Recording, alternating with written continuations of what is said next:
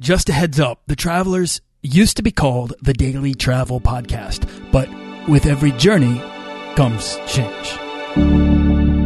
This podcast is produced by Holocene, a community of creative travelers. If you want to get serious about planning that next trip, writing that book, starting that creative project, or launching that business, we're breaking down the barriers between where you are where you want to be together at joinholocene.com. That's join, H O L O C E N E.com.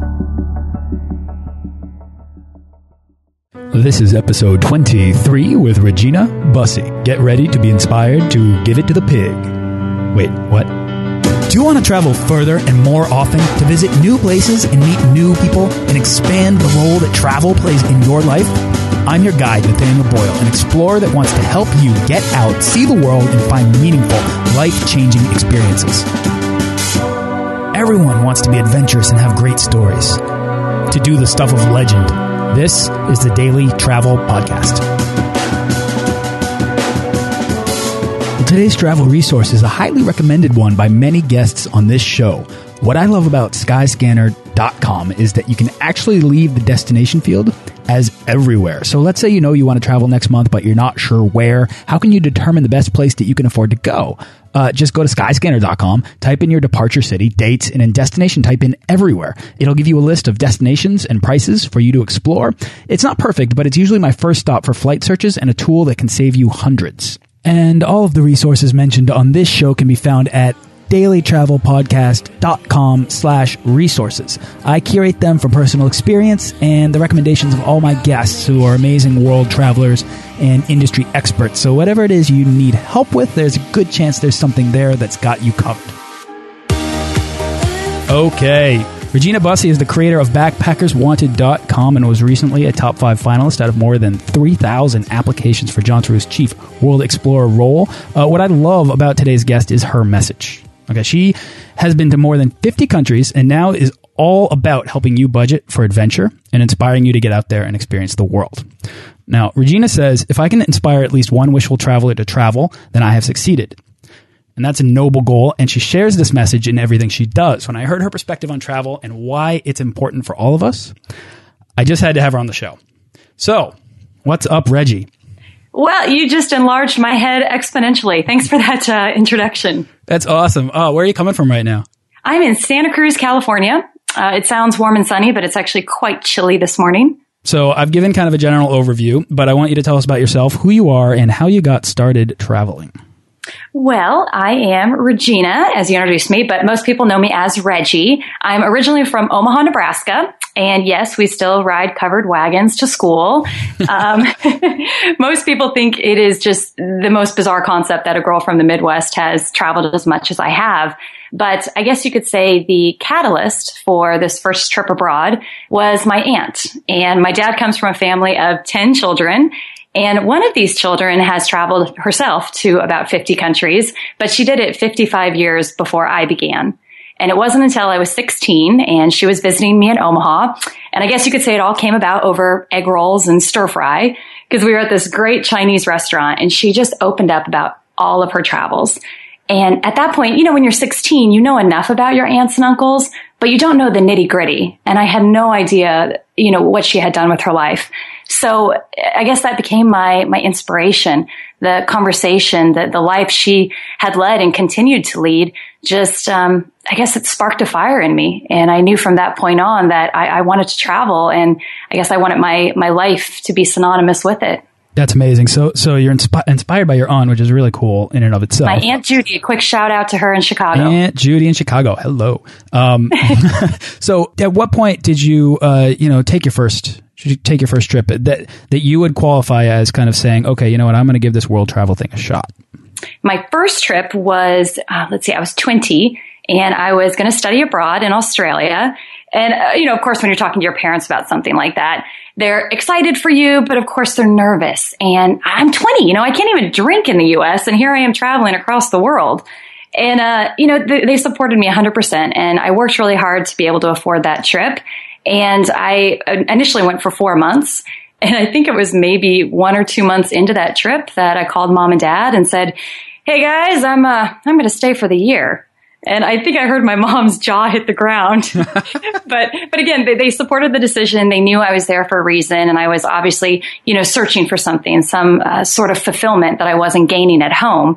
And I, I stayed for the year and I worked a couple different jobs to continue funding this trip. And when I returned to college, I was going to school at Kansas State University. I knew that you know, my direction was set. I, of course, wanted to graduate. I graduated with a degree in business marketing. But after that point, I wanted to hit the road. And that's exactly what I did. And I guess you could say, let's see, what is it now? Eight, nine years later, I'm still on the road. So you could say that it was Australia that pretty much convinced you or gave you this love of travel. Those darn Aussies do it to everyone. It's it's an amazing. I mean, that part of the world, Australia, New Zealand, it's an amazing place to uh, get your travel legs underneath you. You know, and, and they live it and breathe it. I mean, that's so much a part of their culture and their society. And it's something that, of course, my website and my message brings to the forefront. You know, I want that for Americans. I want us to be able to incorporate a love of travel and I want our, our jobs, our families, our relatives, our, our friends to encourage that and not see it as some, I, I don't know, alien idea. Totally, totally. I mean, I'm hoping that other Midwestern uh, girls or boys who are thinking of going on trips right now and they're maybe in their late teens or early 20s are listening to this and thinking, you know what, I, I should probably go and get my passport. Or if they have their passport, maybe they should do whatever it takes to get their first, you know, step out the door. Exactly. And, and study abroads, of course, are, are a fantastic way to do that. But, you know, another concept that I love overseas is what's called a gap year and they finish what is it um, high school at 18 and they leave for a year. And, and i mean can you imagine? Your mom and dad saying okay sweet you're 18 go travel the world. I'll see you in a year. But that's what they do and they return home with a, a better compass a better direction. They, they know what they want to do because they've seen so many things at a young age. And i guess that's also something that i encourage with our youth to get out there and, and the younger the better. Of course any age is great but the younger the better well, why don't why don't you think we do that? I think it's um, well, there's a couple main reasons, but society and the way that I guess we're raised. You know, we're an entrepreneurial society, and that's what the U.S. was based on. That's what we yes. were founded on. Sure. So we're brought up to work hard, to play hard. But I think a lot of people forget the play hard aspect. It's become just work, work, work, you know, save for a rainy day or save for retirement. But we forget that there's a lot of years in between there that need to be enjoyed. Do you have a favorite travel quote that inspires you and your travels? I think the, the quote that always, well, from, from the beginning has resonated uh, is from Robert Frost. And it's two roads diverged in a wood and I, I took the road less traveled.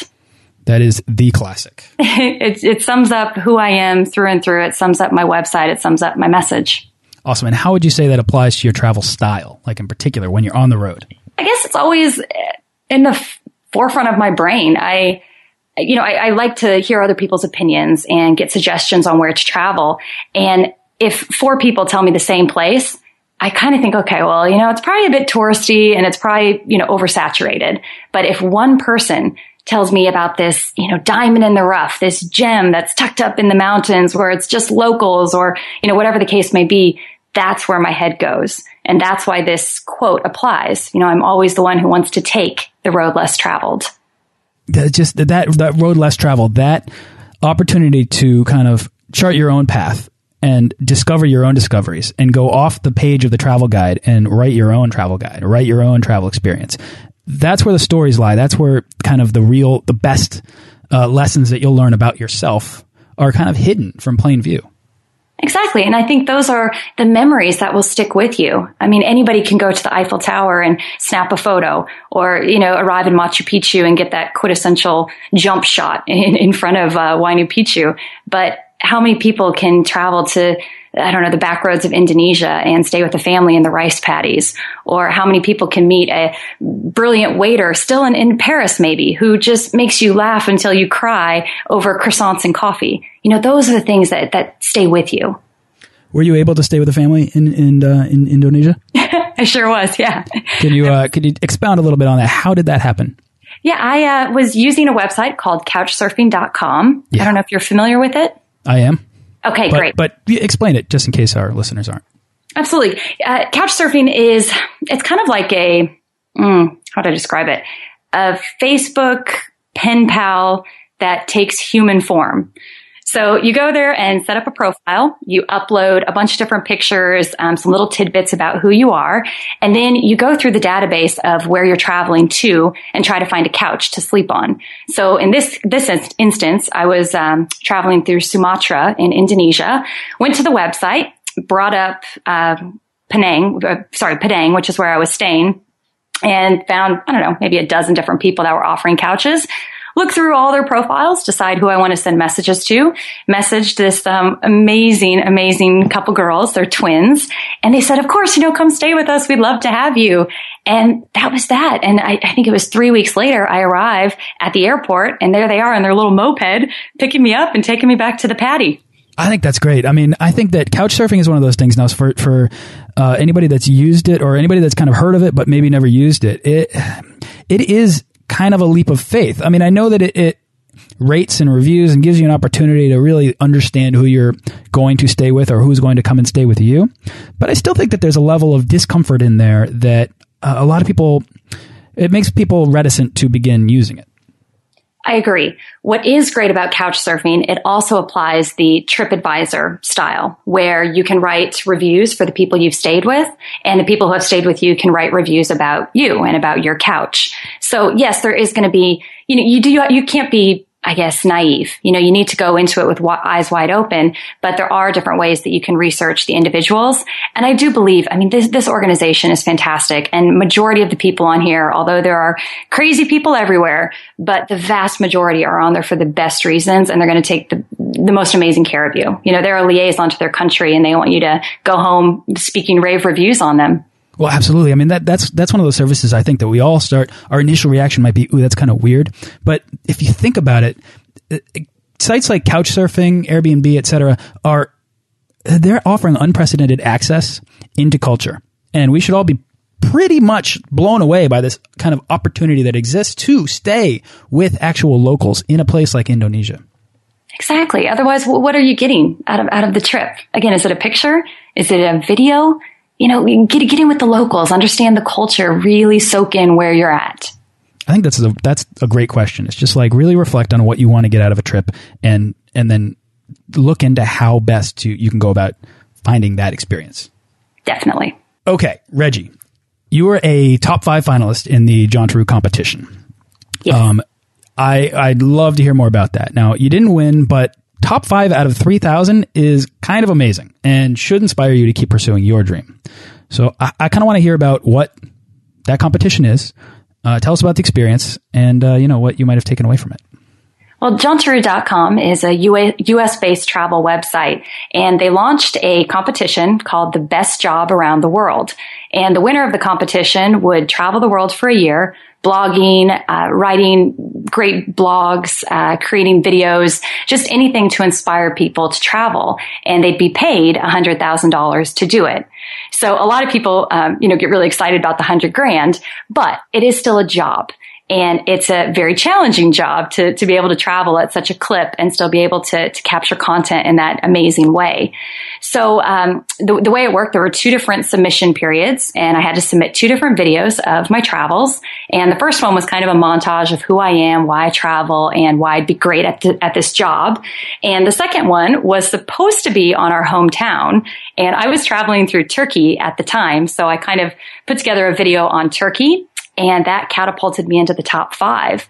And as you mentioned, there was 3,000 candidates from 99 countries. So, I mean, this thing just went off. And of course, to be in the top five is, I, am honored to, to say that I've been in the top five. And the, the final experience was an all, ex, all expenses paid trip to Abu Dhabi. And this is where the interviews were going to happen. It was I mean, I'm a backpacker, Nathaniel. I sleep on floors and travel the cheapest ways possible. And I found myself in a seven star hotel. One of the only, there's, there's two seven star hotels in the world and one's in Dubai and one's in Abu Dhabi. It's called the Emirates Palace. And I stayed there for four days with this competition in the absolute most luxurious, opulent surrounds you can imagine. I mean, I feel like everything was plated in gold. and while we were there, Abu Dhabi tourism just open the gates. Anything and everything that we wanted was at our disposal. And one of the, one of my favorite memories, I guess, was Ferrari World. And it's the largest indoor amusement park in the world. And it also has the fastest roller coaster in the world. And this roller coaster goes from zero to 60 in a second, zero to 150 miles per hour in under four. It is like a Whoa. bullet. Whoa. so um, you know that that was definitely a highlight. And then of course visiting some of the different markets like the, the fish market and the date market which i really value because that's more of a cultural experience. You know it's not so much on the tourist side. But uh, you know the trip was just so fulfilling um, on a lot of levels. And not winning something is is devastating. You know, when, when you put your heart and soul into something for five months and promote a project and, and promote your position in it, you're bound to be upset but the people I met made up for everything. I mean, the other four contestants are fantastic. They're all travelers. We're all of that same wanderlust blood. And, um, you know, I, I, will take this experience with me forever. And I, I, wish the winner all the best. He's an amazing guy. His name's Tyson Mayr, and, and I recommend checking him out on Facebook. But, uh, you know, moving forward, I, have got a lot of other projects on the go. And I guess I've always been one of those people. You get knocked down, you get back up. So life waits. Let's get going. That's absolutely true. I mean, I, I know that we we've all probably had different different points in our lives, whether you apply to a school or a college and you're not accepted, or you try for a job and you don't get it, or uh, you know, maybe you uh, go on a flight and miss, you know, or go on a trip and miss a flight and get stranded somewhere, and everything gets kind of goes awry. It's not quite what you planned, but the opportunities that uh, present themselves, they might not be immediately obvious, they might not be apparent, but they're they're there, and and you just have to know how to look for them. Exactly. It sounds like you had an amazing trip. You got an amazing trip out of it. So to me, that that's a huge win. Um, you, I mean, that's a life experience that you just had. That was the uh, first trip I've never had to pay for. So yeah, there you go. and after the experience, one of the other candidates, Annie, we were kind of chatting about it. And of course, we're, we're both upset that we didn't win. But she says, you know what, Reggie? It's not that we didn't win or that we lost. It's that it wasn't the right fit. And that's something that I've really taken with me and I'm going to apply to every project or every challenge here on out. You know, you might not necessarily get the or reach the light at the end of the tunnel or, or get the cheese at the end of the maze, but it just means it's not the right fit. Absolutely. Uh, Reggie, listening to you talk and listening to you kind of uh, express your thoughts on, on travel and your philosophy of travel, I mean, you, you have got so much good stuff to say that I, I can't wait to see kind of where it takes you. Thank you very much, Nathaniel. You are welcome. Okay, so this is the part of the show where we're going to boil down the how and the why of travel into pragmatic advice. So I'm going to hit you with a bunch of questions and no pressure, but let's have some fun. I never feel pressure. okay, let's for for a lot of people, uh, taking that first step out the door can be the hardest part of travel. So, what's your advice for anyone dreaming to take that first step to becoming a world traveler? Stop thinking and begin doing. And it's so simple. It's, I mean, five words that will change your life. We, again, come from a society where we have to plan everything. And planning is good to an extent, but we get so focused on to-do lists and, and, and checklists, what needs to occur before leaving. If you have enough money to travel, which of course that's part of it, and you have the means or, or you don't have the responsibilities tying you down, what are you waiting for? You know, just take the leap of faith, you know, risk. Risk is huge and you never reward until you risk. And that's, that's what travel's all about. Absolutely. Now you mentioned if you don't have the money, so the biggest hurdle for most people who want to travel more is cost. Uh, do you have a secret money saving tip or a travel hack? Ooh, I have a lot of travel tips and ways to save. I guess my favorite one would be um, well, when you go to my website, I have a drop down window that has travel tips. And if you go to specific savings ideas, I have all these great JPEGs of, of kind of quirky ways that you can save. My favorite one is entitled it's all relative. And what this means is a penny saved is a penny earned. And maybe thinking, okay, I'm not going to get the large Starbucks today. I'm going to go for the small and saving yourself $2. Whoopee. You know, what is $2 going to buy me? Well, $2 in Nepal will buy you your night's sleep at a tea house. Or say, you know, your friends are going out to dinner and you don't, you decide not to go. Okay. That's maybe $15 saved. That $15 in Europe. Well, that's your train ticket you know, two hours away.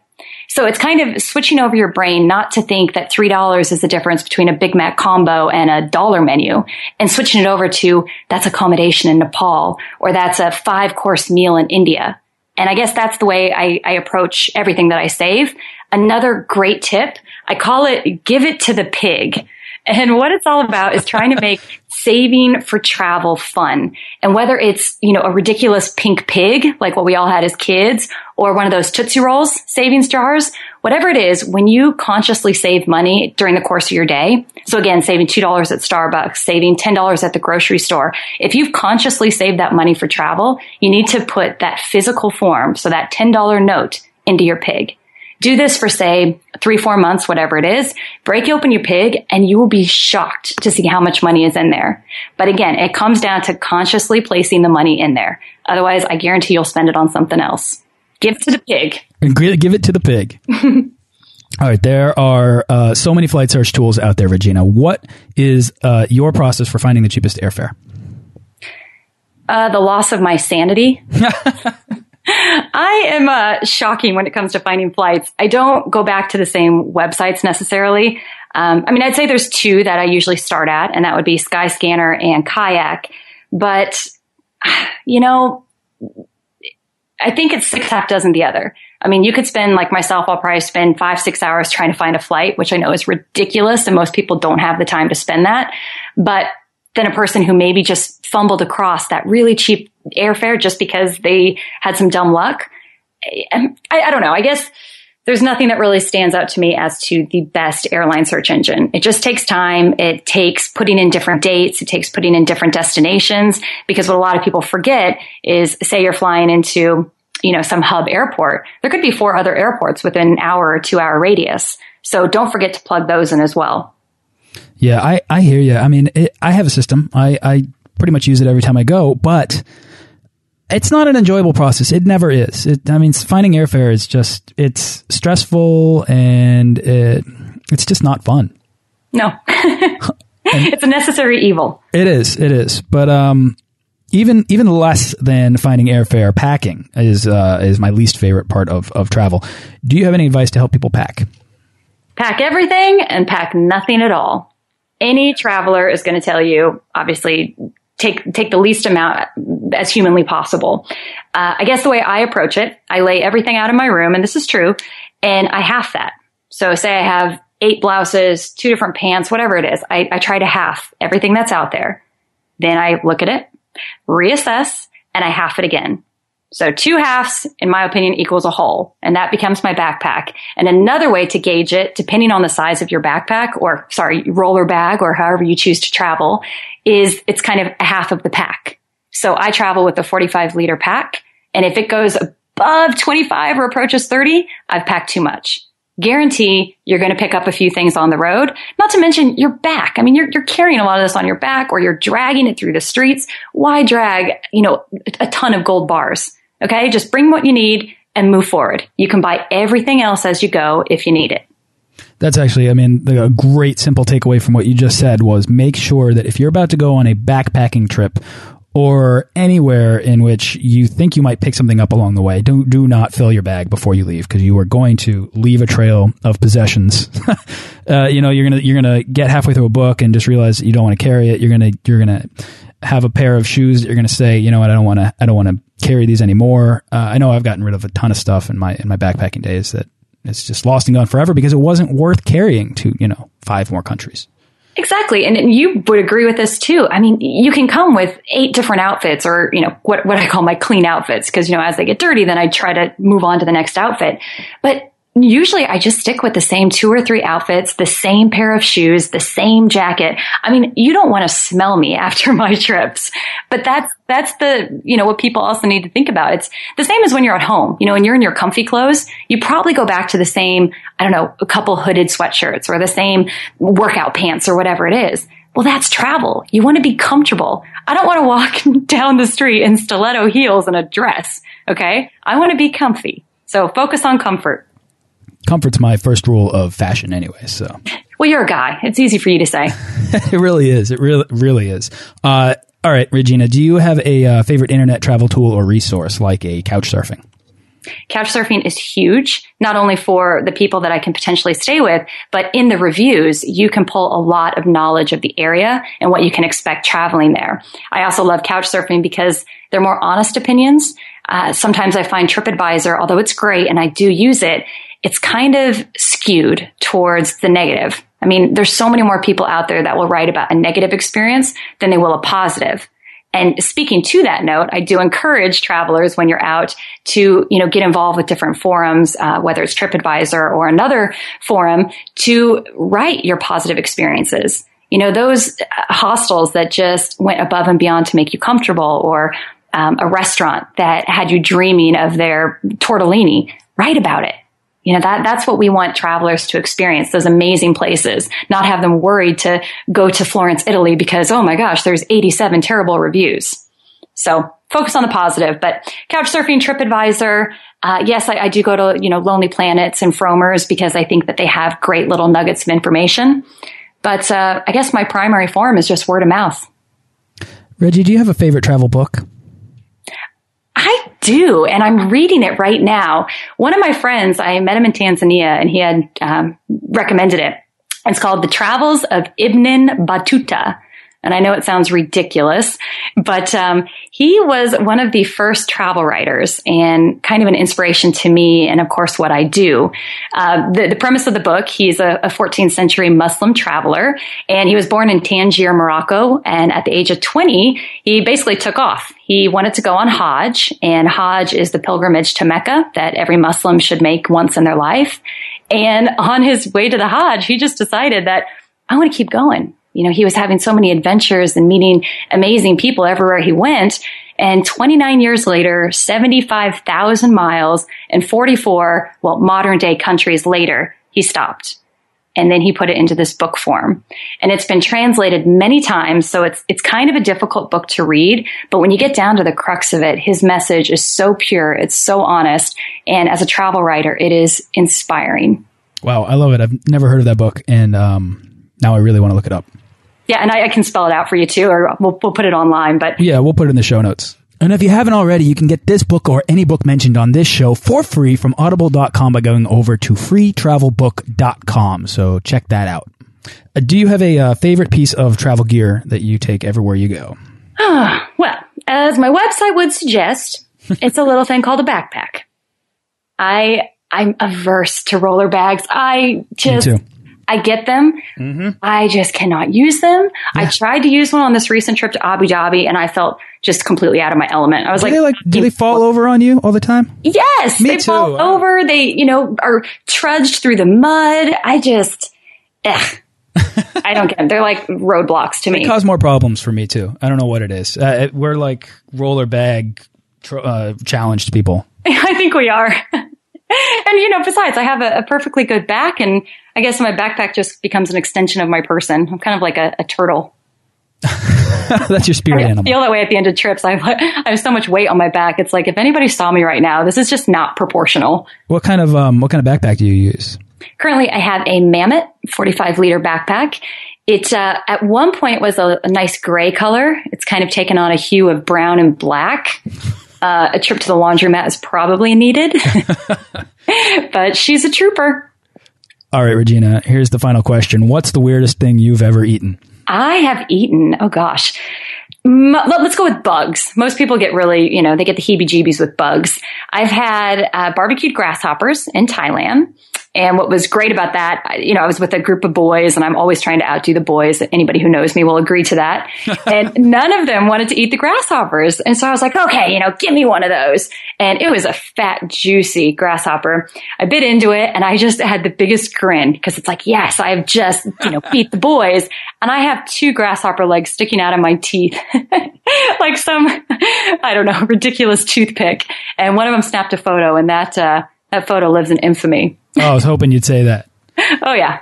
Other ones, you know, huhu grubs in New Zealand, you got to eat live worms. That's just, it has to be done once in your life. There you go. And uh, Mopani worms. And Mopani worms I tried in Zambia. One of my friends that lives there, she's like, oh, I have this delicacy. You're going to love it. I'm thinking it's going to be this beautiful cut of tenderloin. No, no, no. It was fried worms. Um, out of all the worms I've eaten, that was probably the worst. I was I was just in Zambia recently, and I kind of I'm not sure if I missed out or if I feel kind of relieved not to have eaten Mopani worms. Eh, you know, I wouldn't say I'd race back for them. All right, Regina, is there anything else you'd like to uh, you know share with the audience before we wrap up? I'd like to leave the audience with the same message that we opened the show with. My goal has always been to inspire and encourage others to travel. And I guess it goes beyond inspiring. I want you to aspire to travel. I want you to take the proactive steps towards reaching these goals, whether it's budgeting, whether it's building in the time off from work, or whether it's just gaining the confidence. Whatever you need to do, recognize those weaknesses and make them a strength. And once you have them, book that ticket. Aspire to travel. I love it. Give it to the pig and aspire to travel. Give it to the pig. Give it to the pig. All right. So, where can people go to find out more about you? www.backpackerswanted.com. You're going to find a slew of blogs, videos, travel tips, uh, articles that I've written for different travel magazines, everything and anything to help you travel, to inspire and make you aspire. Awesome. Now, all of the links and all of that, what she just said, and everything else we've talked about in this interview, you can find in the show notes. Regina, thanks so much for coming on the show. I really, really appreciate it. Oh, Nathaniel, thank you so much. Awesome. All right. Happy wandering. Same to you. Thanks for listening to this episode of the Daily Travel Podcast. For show notes and links to everything in this episode and more, head on over to dailytravelpodcast.com. Join our Facebook page of explorers and subscribe to our newsletter for the best deals and resources to help make your next trip life changing.